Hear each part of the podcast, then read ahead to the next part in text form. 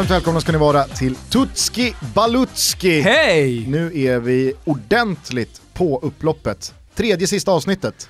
Ja, börjar nästan få lite eh, så här, ja, ångest över att Svanemar ska ut ur den här studion. Han har ju ändå varit två plus genom hela resan.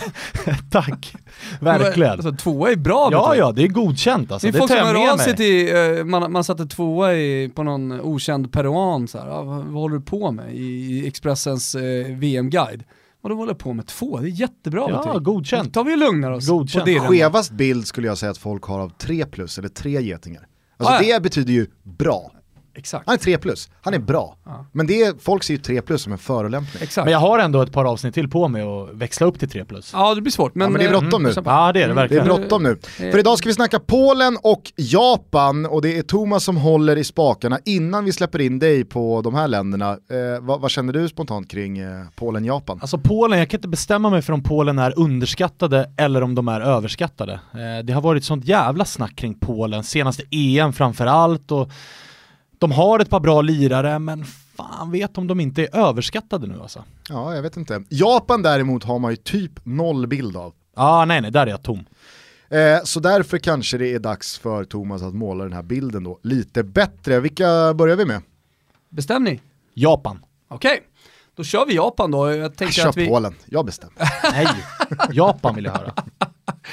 Ta Japan. Bara för att visa, bara för att visa hierarkin här. Eh, och i och med att det är en dubbelmacka så rappar vi på va? Jajamän. Jajamän. Eh, Kimpa, vissla igång.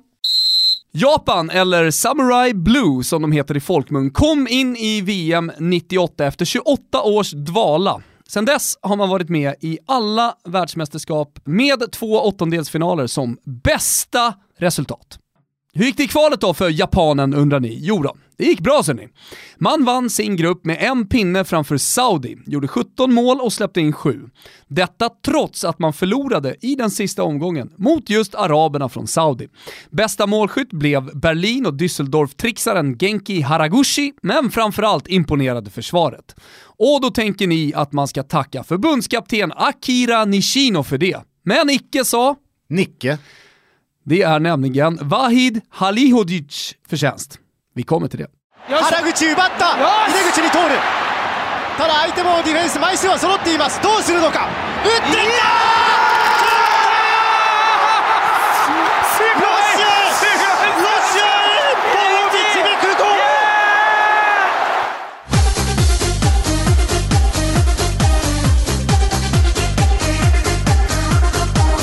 Ja, spännande. Eh, jag tycker att eh, en av de absolut starkaste insikterna man har fått av att göra den här podden, och jag hoppas att det har nått lyssnarna också, är ju hur otroligt enkelt det är att ta sig till VM om man tillhör den asiatiska kvalgruppen. Ja, verkligen. Nej men alltså de förlorar ju, vi kommer till det nu med förbundskaptenen, men Men alltså, alltså, ja. de torskar ju mot Saudi i, i båda matcherna eh, och är ju långt från så här, spelmässigt imponerande under kvalet. Jo, men det är det jag menar, att sammantaget, vilka länder har vi här? Vi har pratat om Sydkorea som alltså tar eh, 15 av 30 möjliga, de gör 11 mål på 10 matcher, ändå löser de en direktplats. Australien brottas med Syrien och eh, Alltså de, de eh, håller eh, Honduras eh, under ytan med liksom, ett lillfinger Alltså, och klarar sig. krig Uzbekistan liksom, det, det är inte supertungt Nej. Motstånd alltså. Så att summa summarum är ju att så här, vad säger det egentligen om ett asiatiskt lag som tar sig till VM? Va, Nej, jag vet inte, du som, har, du som har gjort jobbet, du som har grottat lite i, i Japan här. Japan, eh, precis som Sydkorea, är, det är svaga landslag. Eh, Australien, eh, de har inga toppspelare heller. Du vet, det det är Rogic och det är så här spelare som knappt skulle finnas med i en svensk trupp höll jag på att säga. Eh, Men eh, det finns några som sticker ut och det känner ni till. Det har ju kommit en del japanska spelare till, eh, till, till Europa och, och ändå gjort avtryck. Alltså vi hade ju Hidetoshi Nakata som väl var den första riktigt stora japanska spelaren. Eh, Fan vad stor han var. Ja, han blev otroligt stor. Han, Festade med Husfeldt på Café Opera va? ja, det kan man höra i Toto Balutos Jesper Husfeldts avsnitt. Eh, I eh, vad jag tror beskrevs som en stökig outfit. Ja. Ja.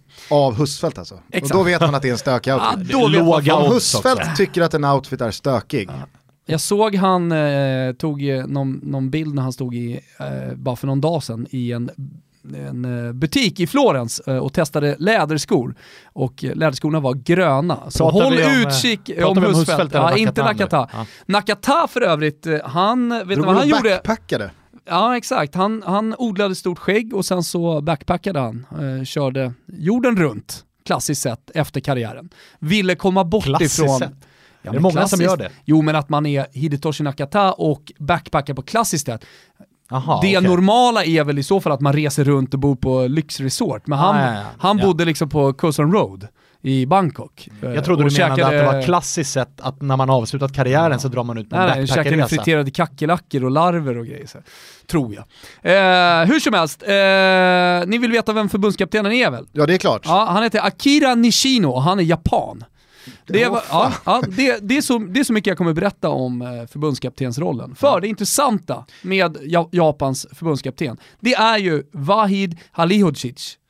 Och vem är det då? Han låter inte japansk. Ja, Det är han verkligen inte, ni hör ju var han kommer ifrån. Men En- innan ja. du fortsätter på honom får jag bara säga det att i, jag tyckte till en början att det var kul att du betonade att förbundskaptenen är japan. Mm. När han alltså har Japans landslag. Men så tänkte jag ett varv till och så kände jag så här, ja, när jag tänker på Japans landslag i fotboll så tänker jag ju på utländska förbundskaptener som har kört dem. Det har väl varit både Sicko och han eh, belgaren som hade dem i hemma-VM. Ja, och 02. generellt, alltså de asiatiska lagen, vi har pratat om, det är väl eh, Sydkoreas The Asian Mourinho, annars är det väl utländska i stort sett allihopa. Eh, Så att det är ju, verkar ju vara mer regel än undantag att man går på det utländska spåret. Där. Framförallt så var det ju ironiskt att det är den enda informationen, faktan ni får om eh, Japans förbundskapten. För vi ska prata om Vahid, som är Bosnien såklart.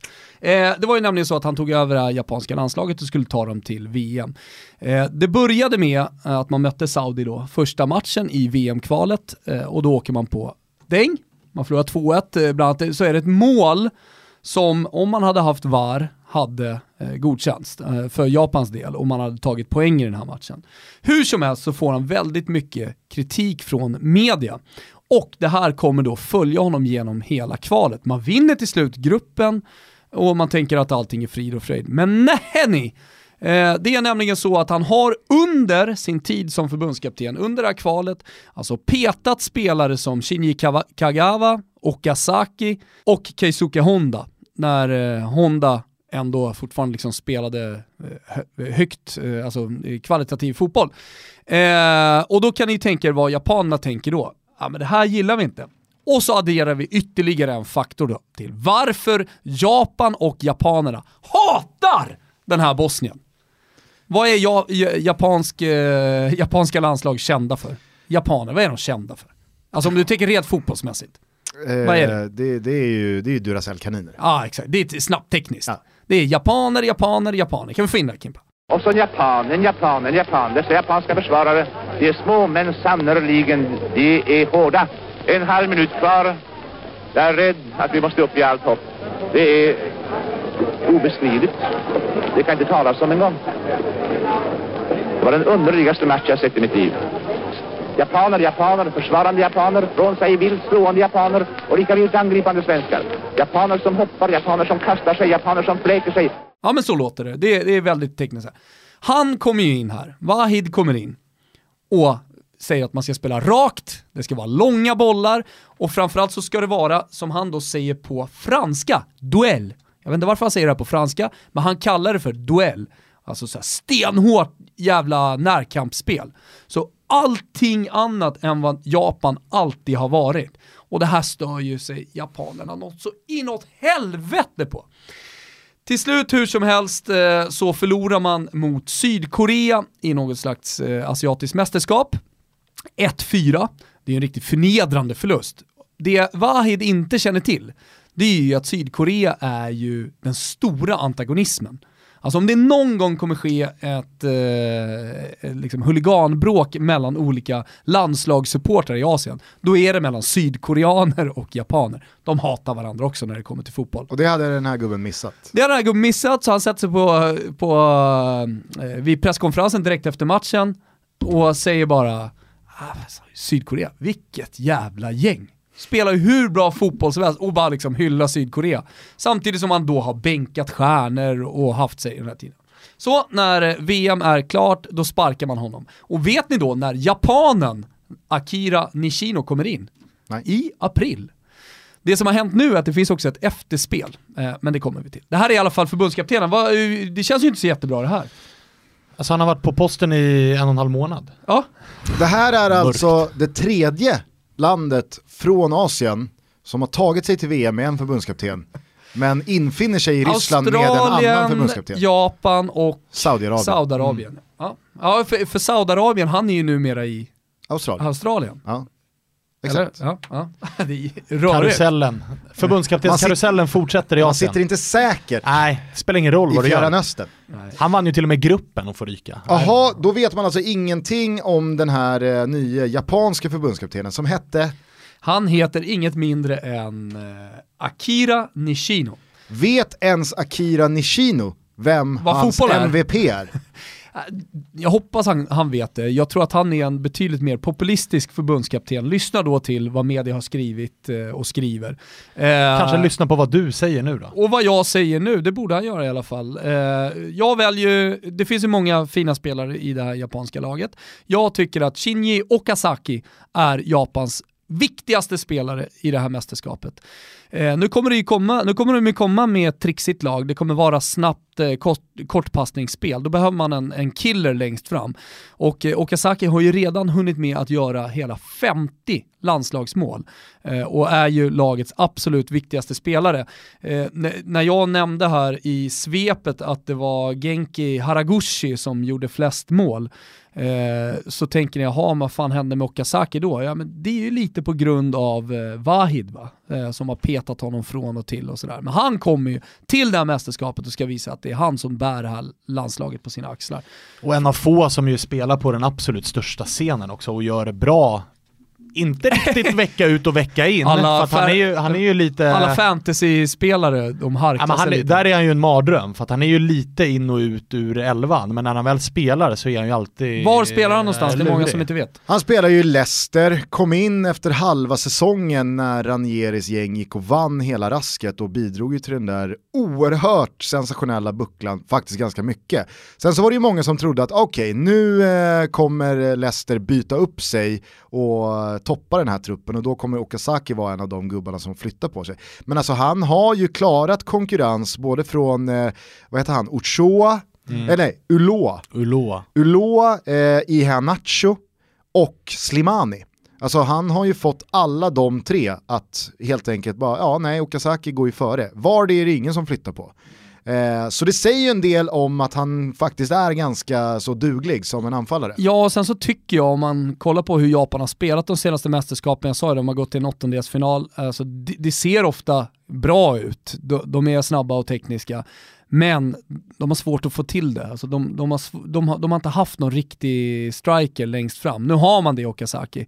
Eh, så eh, jag tycker han är en ganska tydlig MVP här. Mm. Ja, nej, det, det säger jag inte emot. Sen har inte jag järnkoll på den japanska truppen. Nej, Tutski Balutski är sponsrade av Sonos och det är vi väldigt glada över. mycket glada. Eh, framförallt så är vi väldigt glada över vad de här simultanhögtalarna har gjort med vårt kontor. Vi har en högtalare i köket, tre olika stationer utspridda i själva huvudlokalen. Ja men för att få det feta surround-ljudet. Vi har ju fyra meter i tak så man tänker så här, jag trodde att det skulle vara svårt att få det här riktigt liksom, trycket på ljudet. Eh, men det löste sig utan problem genom att bara installera appen och så gå runt med telefonen. Så kände den av eh, precis var alla väggar var och sådär så det blir perfekt ljud. och snart ska en femte högtalare upp på muggen. Mm, det blir trevligt. Där kan man bli sittande ett tag ju. Så man kan liksom inte komma undan Kristoffer Kviborgs 80-talslister. Nej, eh, det man, det man faktiskt kan göra det är ju Döda att koppla, nej, och koppla på sin egen Spotify till exempel. Eh, och sen så tar man över badrumshögtalaren. Eh, högtalaren. Så att det, finns ju alla möjliga möjligheter. Och det är ju någonting som är fint också, att man kan spela i eh, de högtalarna som är runt tvn, där kan vi spela tv-ljud, de som är i köket och på toaletten, där kan man välja att spela lite musik istället. Så att det går att ratta det där från samma app då, om man är på samma ställe. Ni hör ju, man kan bli en riktig jävla hemma-DJ. Ja men det är inget svårt, alltså, de här grejerna för mig var ju hokus pokus höll jag på att säga. Jag fattade ingenting. Eh, och sen nu med sonen så är det bara, fan vad enkelt och vad skönt att det är så enkelt. Klarar man av att trycka igång Tutski Balutski i sin poddspelare så klarar man av att ratta Sonos system hemma i alla fall. Så enkelt är det. Tack till Sonos hörni. Vem är stjärnskottet? För att Okazaki är ju sannoliken inte en coming man. Nej, det är roligt med det japanska laget. Vi pratade om eh, Uruguay igår, eh, där det fanns en hel eh, hoper av 95 96 97 En generation av unga uruguayanska spelare som är på väg framåt. Det finns det ju inte riktigt i Japan då. då. Yngsta spelare, om en tredje målvakt som är 23, men om man då ska försöka hitta någonting, så är det 25 Alltså det är, det är 92er. Men du har ju ändå grävt i stjärnskottshyllan på 30 plus-kategorin Jag har varit där. Nej men eh, ni som inte lyssnar på Toto Balotto tidigare, vi har ju pratat om USP-fria klubblag. Alltså, klubblag som man bara rycker på axlarna åt. Och där vi landar i att Mainz i tyska ligan är ett sånt lag. Eh, sen så har ju folk bollat upp att ja, men Klopp har ju lett eh, Mainz och där spelar Quaison och så vidare. Kanske har då Mainz fått någonting efter det här. För stjärnskottet heter Yoshinori Muto. Moto. Eller Muto. Det finns en apostrof som är rak över o -et. Jag har ingen aning hur jag ska tackla det här raka eh, apostrofen, ligger som ett tak över ja, o. Man kanske bara ska säga det o rakt. Men om man testar att säga... Moto! ja, det var någonting annat. Moto! Ja. ja. Yoshinori Moto i alla fall. Han eh, kommer från en jättefin säsong med tyska Mainz. Man tror väldigt mycket på honom. Det är flera lite större tyska klubbar som faktiskt rycker i honom här nu. Och jag Position. tycker att han eh, anfallare och en rivig sådan. Och, eh, jag har sett några matcher med honom, kollat på lite klipp inför det här också. Jag gillar hans spelstil. Alltså det, det är, är, är en... en skarv? Nej, nej, nej. är det VHS-banden nu igen? Ja, men, eh, det, det, är en, det är en rivig, ganska teknisk eh, forward som man känner att man borde kunna få ut ännu mer av. Eh, framförallt så kommer han ju starta med stor sannolikhet, beroende på hur nu denna japan, Akira Nishino, väljer att spela det här japanska laget. Med tanke på att han precis har liksom blivit eh, förbundskapten. Jag tror att det kommer vara en nummer nio och att det kommer vara Okazaki. Och med att det är Yoshinori Muto som kommer göra det där viktiga målet som gör att Japan går vidare och därför är det vårt stjärnskott! Jippi! Yippee eh, vad snackas det om? Det känns som att det är ganska givet att det är ja. många rynkor i japanska pannor kring alltså, vad fan som händer. Det måste vara så mycket frå frågetecken om vem den här eh, förbundskaptenen ja, är. Det, alltså. det roliga är nu att, eh, hur tror ni att eh, Wahid tog det här eh, beslutet från det japanska fotbollsförbundet? Dåligt. Ja. Han tog det helt rätt, mycket dåligt. Så det som har hänt i dagarna här nu, det är ju att han har ju den 24 maj stämt det japanska fotbollsförbundet. Rimligt ändå. Så nu ligger stämningsansökan inne och Wahid med hela liksom advokatligan bakom sig går ju en kamp då mot det japanska fotbollsförbundet. Det här har inte gått till på rätt sätt. Han är fullständigt vansinnig och jag tycker det är så jävla kul. Känns inte riktigt som att det japanska förbundet har fått en uppladdning de kanske ville ha inför det här mästerskapet. Alltså de är så sugna på att bara dra ett samurajsvärd rätt över nacken på honom. Eh, nej, så det här, det här har ju såklart blivit en snackis. Alltså, dels att han har tagit över nyligen, alltså japanerna är glada över det här, att det har kommit in då en, en stor ledare, det är det enda. Ja, och som jag har kanske, läst och som kanske vill spela eh, den typen av fotboll de är kända för igen. Det kommer de alltså- garanterat alltså... göra. Eh, men, men att, att den här jobbiga jäveln håller på att stämma dem nu också, det, det ses ju inte med blida ögon. Det vore ju kul om han dök upp i Ryssland ändå. jag är förbundskapten för Japan. Säg vad ni vill, kolla kontraktet. kolla kontraktet. Det är inget som är brutet här. Han glider bara ner och sätter sig på bänken i premiären. Kommer med någon fejkad akkreditering, jag ska in här. Ja, vi får väl se. Eh, och det här leder, vi oss, leder oss då vidare till förväntningarna. Vad har ni för förväntningar på Japan? Låga, ja. mycket låga. Och jag har också låga förväntningar på det här japanska laget. Det... Framförallt så finns det ju inte riktigt någon räddningsplanka för Japan i gruppen. Alltså det är Senegal, Colombia och Polen. Där, man, där alla de tre bör vara ja, både man, ett och två snäpp Hur bättre. man än vrider och vänder på det motståndet så rankar man ju Japan sist. Ja, det är nog inte många som, det är kanske det man ska göra då i sina VM-tips, att ha Japan som trea eller tvåa i gruppen, för då kan man nog sticka ut. För 99% måste ju ha Japan som här, sist Jag tror att väldigt gruppen. många känner också så här, Japan? de spelar ju härlig fotboll. De brukar, väl, brukar de gå vidare från gruppen och så har de de här åt, åtton, två stycken åttondelsfinaler som man har spelat då. Sen man kom tillbaka till eh, VM-sammanhangen och, och kvalificerade sig 98. Ja, okej. Okay. Eh, vad heter det, vad landar dessa förväntningar eh, på Japan i för rubel? Ja, du menar Ruben! Kanske ditt bästa hittills. Oavsett hur dåligt det kommer gå för Japan och, och sådär, så kommer de göra mål. Det, det bara är så. Och om man går tillbaka och kollar då, ja, 17-7 i kvalet kommer ju många tänka. Jo, men det var ju bosnisk eh, eh, catenaccio som man spelade då. Nu är det en helt annan typ av fotboll och jag gillar det. Ni ska ha koll på oddsen på Japan för att när oddsättarna sätter eh, oddsen så kollar man väldigt mycket på historiska resultat, alltså i, närhistorien. Eh, och jag tror snarare då att det kommer bli ganska öppna matcher när Japan spelar och att det kommer bli en hel del målchanser. Och då landar jag i att Okazaki kommer göra tre mål. Han blir i alla fall lite av liksom, ett hopp för Japan genom hela det här gruppspelet. Ja men jag kan ju dela din känsla kring att gör Japan mål så är det goda chanser att eh, Okazaki gör dem. Absolut. Och fan, Glick är out i Polen, Colombia och Senegal, de har mm. sina styrkor offensivt. Kan det bli rätt mycket målglada matcher i den här gruppen? Ja, jag tror det. Får jag bara fråga om eh, Shinji Kagawa? Mm. Eh, det är ju många som eh, har en relation till honom. Gjorde ju en succé-session i Dortmund, landade i United, floppade rätt ut, gick tillbaka till Tyskland. Alltså, hur ser hans status ut i det japanska Jätte, landslaget? Jättehög status eh, Kagawa. Och, eh, när, när, jag näm eller när jag valde Okazaki som MVP så, så var det ju liksom i konkurrens med Kagawa. För, för där, där, men det, det är från honom som eh, inläggen ska komma, det är från honom som inspelen ska komma, det är han som tar skott eh, från distans eh, och så vidare. Han är en jättestjärna i Japan och alla älskar honom. Så helt klart, alltså Kagawa är med i det här laget, om vi inte har nämnt honom än. Härligt då. vem är vår gubbe i Japan? Gissa. Jag vet inte. Ja, det, är, det är en gubbe som många... Alltså jag kan fall, bara Okazaki och Kagawa här. Ja, nej, men det är många som har en eh, ansträngd relation till den här spelaren. Var i Inter tidigare, numera befinner han sig i Galatasaray. Han eh, slog igenom stort när Cesena gick upp ah. i Serie A och eh, han tillsammans med Jackerini och Skelotto gjorde slarvsylta av de stora italienska lagen. Det blev till slut i alla fall eh, Inter eh, och han eh, var ung då, han har blivit eh, äldre nu. Eh, alla Inter i alla fall är supernöjda med att ha blivit av med honom.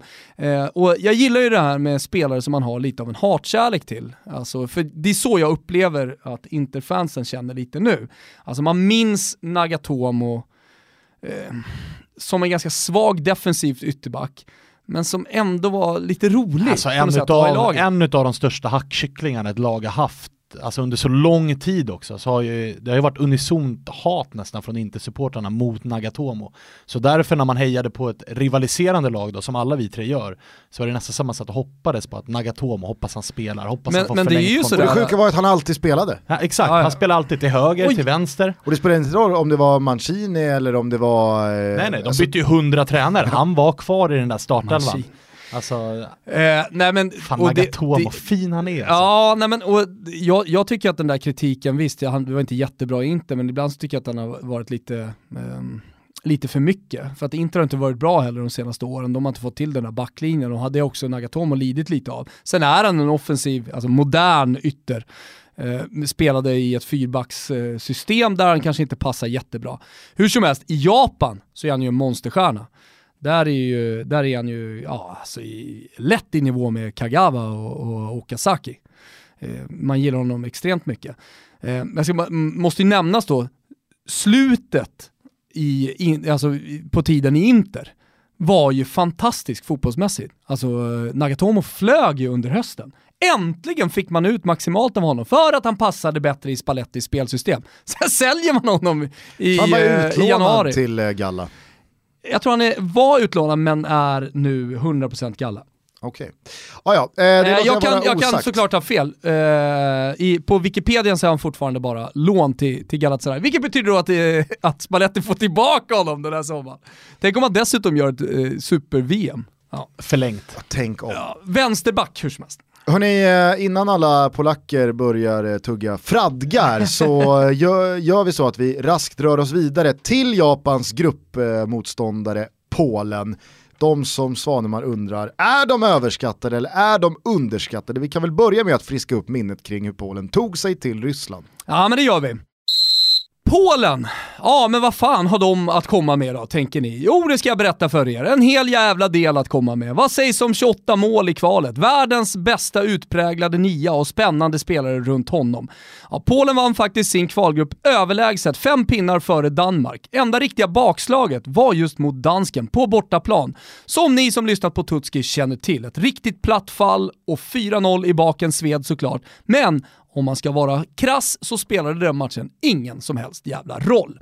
Det finns rutin, det finns delikata fötter, snabbhet, men framförallt finns Robert Lewandowski. 16 mål i kvalet, ja ni hörde rätt. Helt överlägsen. Med honom satsar Polen högt i Ryssland. Ale mecz jeszcze trwa i w tym meczu to my mamy szansę na piłkę meczową. Błaszczykowski i gol! Coś nieprawdopodobnego! To się udało! To się wydarzyło tutaj w samej końcówce Lewandowski jest w siódmym niebie! My też!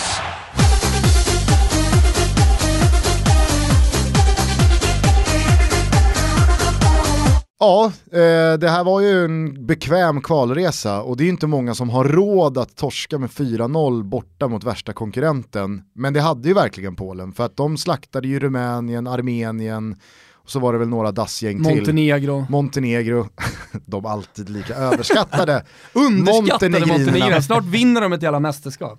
Nej, det var ju aldrig något darr på manschetten från eh, Polens sida. Nej, exakt. Och det är lite, jag var inne på det i inledningen, att de, var, de gjorde ju ett bra EM ändå, visade att det finns kvalitet och sen efter det här kvalet så, så är det ju förhoppningar igen.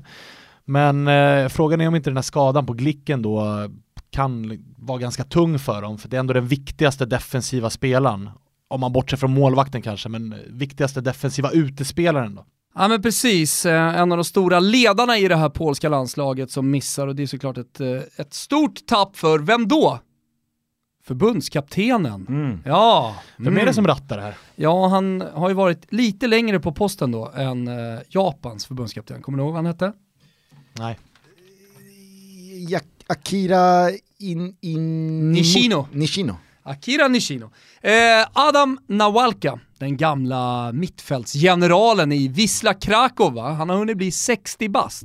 Och han har hunnit haft Polen i fem år. Tidigare så var han assisterande förbundskapten eh, 07-08 då under ingen mindre än Leo Benhacker. Och där säger han att han lärde sig en hel del från hur man, då ska, lä- eh, hur man ska leda ett landslag. En hel del. En hel del ändå. Han emigrerade faktiskt eh, från Polen under kommuniståren 1985 till Staterna där han spelade semiprofessionell fotboll i Polish American Eagles. Alltså de heter så. Polish American Eagles. Det är dunderklubb. ja, de gillar mig. Vad hände med Polish American Eagles? Det ligger en dokumentär där någonstans. Eh, samtidigt då som han eh, jobbade med eh, att kapa träd eh, och eh, under en liten tid så jobbade han med högspänningsledningar har jag läst till mig. Så att eh, han, han, eh, han höll på med en del eh, småjobb eh, innan han 1990 återvände till Polen efter att kommunist, eh, kommunismen hade fallit. Och så började han sälja Trabant. Vet ni vad det är? Nej. Det är många lyssnare som direkt här hajar till. Och jag sa det så som jag sa det bara för att jag skulle se om, det, om ni har koll på att han började sälja Trabant. Du har inte koll heller Gusten? Det är ju den östtyska bilen va? Trabant. Aha. Ja, eh, som eh, med Volkswagen då eh, hade något slags samarbete där.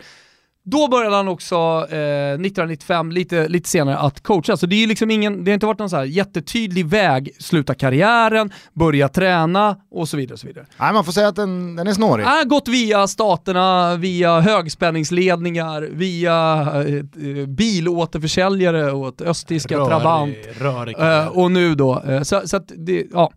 Han, han är i alla fall väldigt omtyckt i Polen. Han spelar ju ett klassiskt, fyra, klassiskt numera klassiskt ska jag säga, 4-2-3-1 eh, system. Det är väldigt fartfyllt. Eh, jag vet att Hasse Backe har pratat om de där kanterna som bara flyger fram eh, och har pratat sig varmt om det. Men det är också en hel del öppna dörrar bakåt eh, när Navalka spelar. Vi var inne på det tidigare, vi trodde att eh, det kommer bli ganska öppna matcher och chansrika matcher. Så har det varit i hela kvalet för, för Polen. Det görs mycket mål, men det släpps också in en hel del mål. Är det fortfarande Kuba Blaszczykowski som flyger på en utav kanterna? Kan vara så. Han är kan med? vara så, absolut. Han är med i truppen. Fint. Mm. Min gubbe är annars Grosicki.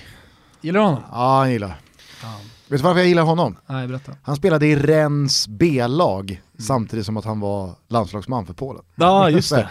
Det. Är en sak när det är typ eh, Trinidad och Tobago. Ja, jag är landslagsman för Trinidad och Tobago och spelar i Rennes B-lag.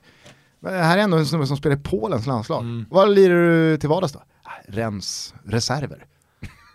gillar man ju. Nej, sanslöst. Du, jag antar att eh, han inte är MVP dock. Nej, MVP i det polska landslaget är mannen som gjorde 16 mål i kvalet, mannen som sköt dem till ett EM tidigare. Kristoffer Svanemar var inne, och snackade, eh, om, eh, var inne på och snackade om eh, Polen eh, som eh, någon slags outsider EM i Frankrike. Eh, då vann han ju också eh, skytteliga, eh, skytteligan i kvalspelet och nu vinner han skytteligan i kvalspelet en gång till. Så att eh, det går liksom inte att komma ifrån att eh, Robert Lewandowski är extremt viktig för Polen. Det är världsklass där ju. Men kanske verkligen. dags att leverera då väl i ett mästerskap. Ja, det, det är också liksom gör honom ännu mer till en eh, MVP, tycker jag. Nej, det går ju inte att ifrågasätta det här valet, eh, inte minst med Glick out. Eh, men alla som har följt någon slags europeisk toppfotboll senaste 7-8 åren vet ju att Robert Lewandowski, det är en av de absolut bästa. Ja, och sen har väl Polen blivit tvingade till att switcha. Alltså, EM så var, var det ju mer en rak 4-4-2, det var rutinerad världsklassanfallare i Lewandowski och bredvid honom var det Milik. Sen gick ju Milik sönder och har varit skadad i två år under hela kvalet och, och äh, även nu fram till den här våren. Samtidigt som man har fått fram lite mittfältare som gör att Lewandowski har fått vara ensam nia i det här 4-2-3-1. Så att han har verkligen fått bära det själv och lyckats. Så att han lär ju inte ändra till ett 4-4-2 nu, utan han lär behålla 4-2-3-1 och Lewandowski lär fortsätta vara ensam nia. Och det är verkligen upp till bevis i ett mästerskap skulle jag säga. Ja, men så är det helt klart. Eh, men eh, det, är också så att man, man kommer in med enorma förväntningar. Och det gör ju hela, hela Polen också. Eh, det var ju som på den tiden vi hade Zlatan Ibrahimovic i laget. Alltså det är han som ska lösa allting åt oss. Nu finns det spelare som Gustav har varit inne på här också, väldigt fina spelare runt omkring. Som till exempel vårt stjärnskott. Och då tänker ni direkt att ja, men det måste ju vara den här Sampdoria-gubben Carol Linnety som har gjort en fantastisk säsong i Sampdoria och som nu många storklubbar tittar på. Men nej, nej, nej, nej. Det är inte Nej, han. nej, nej, nej, nej. Nej, nej, nej, nej, nej, nej, utan det är ju Zielinski. Fint! Där, därmed, ja, men han, eh, jag, jag tycker att Zielinski har, jag vet att han, Liverpool har varit ute efter honom, är ute efter honom, eh, många storklubbar också. Eh, jag, jag tycker att han har tagit steg den här säsongen också mot eh, någonting stort. Alltså de gångerna han har fått chansen från start, vilket har varit ändå ganska många i Napoli, de få gångerna, eller den lilla rotationen som Maurizio Sarri gjorde, var ju att stoppa in Zielinski typ, tillsammans med Diawara. Ja exakt, flytta på Hamsik och nu verkar det ju dessutom som att Hamsik kommer lämna Napoli Ja. och den rollen kommer ju då vara Zielinskis med all rätt. För att Ja. han är, Berätta om honom som ja, är en- spelare, du som ser honom var, varje vecka. det är en ruskigt fin spelare. Eh, I Polen kommer han nog användas som tia, alltså i mitten där på 4-2-3-1 som den offensiva. Trean. Liksom. Ja, i eh, Napoli till vänster på ett 4-3-3 mittfält. Gillar att komma in på skott. Gillar att komma in på skott, Tung har, har ett ruskigt fint distansskott, både med höger och med vänster fot. Och dessutom de här insticken som har på ett sätt försvunnit lite grann, men som kanske då är på väg tillbaka tycker jag. Eh, De här som är från offensivt mittfält fram till en anfallare, så att Zielinski ligger Rui bakom. Costa-passen. Ja, lite den passningen faktiskt. Den är han också riktigt bra på. Men det, det jag gillar med hans skott, det är att han sällan skjuter över. Alltså det, det är ju ofta tunga skott precis utanför stolpen, om de inte sitter. Eller så är det liksom tunga skott från brösthöjd och ner. Mm. Skulle vilja jämföra Spaning honom lite med eh, Milinkovic Savic i Lazio faktiskt. Även om Milinkovic Savic är bättre han är, har ett bredare register, fler strängar, eh, bättre på huvudet, lite bättre fysik, men när båda de spelarna har bollen vid fötterna så är de ganska lika varandra. Mm. Rätta mig om jag har fel, men eh, tackade inte Zielinski nej till hemma U21-EM i fjol? För att liksom, nej, jag lämnar inte för något eh, junioruppdrag här. Nej exakt. Jag är fullblodshäst här. Fint ja, gjort ändå. Eller hur? Det ja, man ju. Han ville hellre köra försäsong med, med Napoli där. Ja, härligt då. Eh, vad har vi för år på Zielinski? Han är född 95. 95. Mm. Mm. Eh, kan bli ett eh, större genombrott för honom i år då, än bara jag för oss Italien-frälsta. Om Polen går bra, vilket jag tror, så kommer nog många få upp ögonen för honom. För att den ja, italienska han... fotbollen följs inte så noga. Och han har ju en nyckelroll i det här landslaget. Ja det har han verkligen. Ja, ja, han är, han är, till skillnad från i Napoli idag, eh, superkey.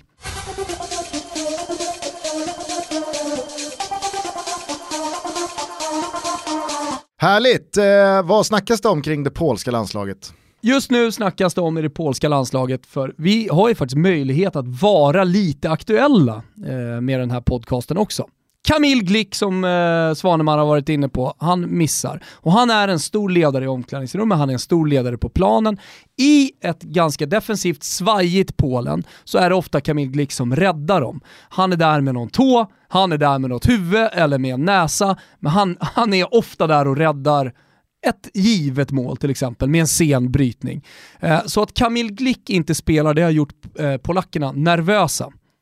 Och det är med all rätt, för att bredvid honom har ju Pasdan varit. Han med den kala gässan eh, och han är inte alls lika bra. Jag var på plats och såg han i, i Legia Warszawa, Wisla Krakow. Alltså det är ingen superspelare. Kamil Glick får ofta kliva in och rädda honom.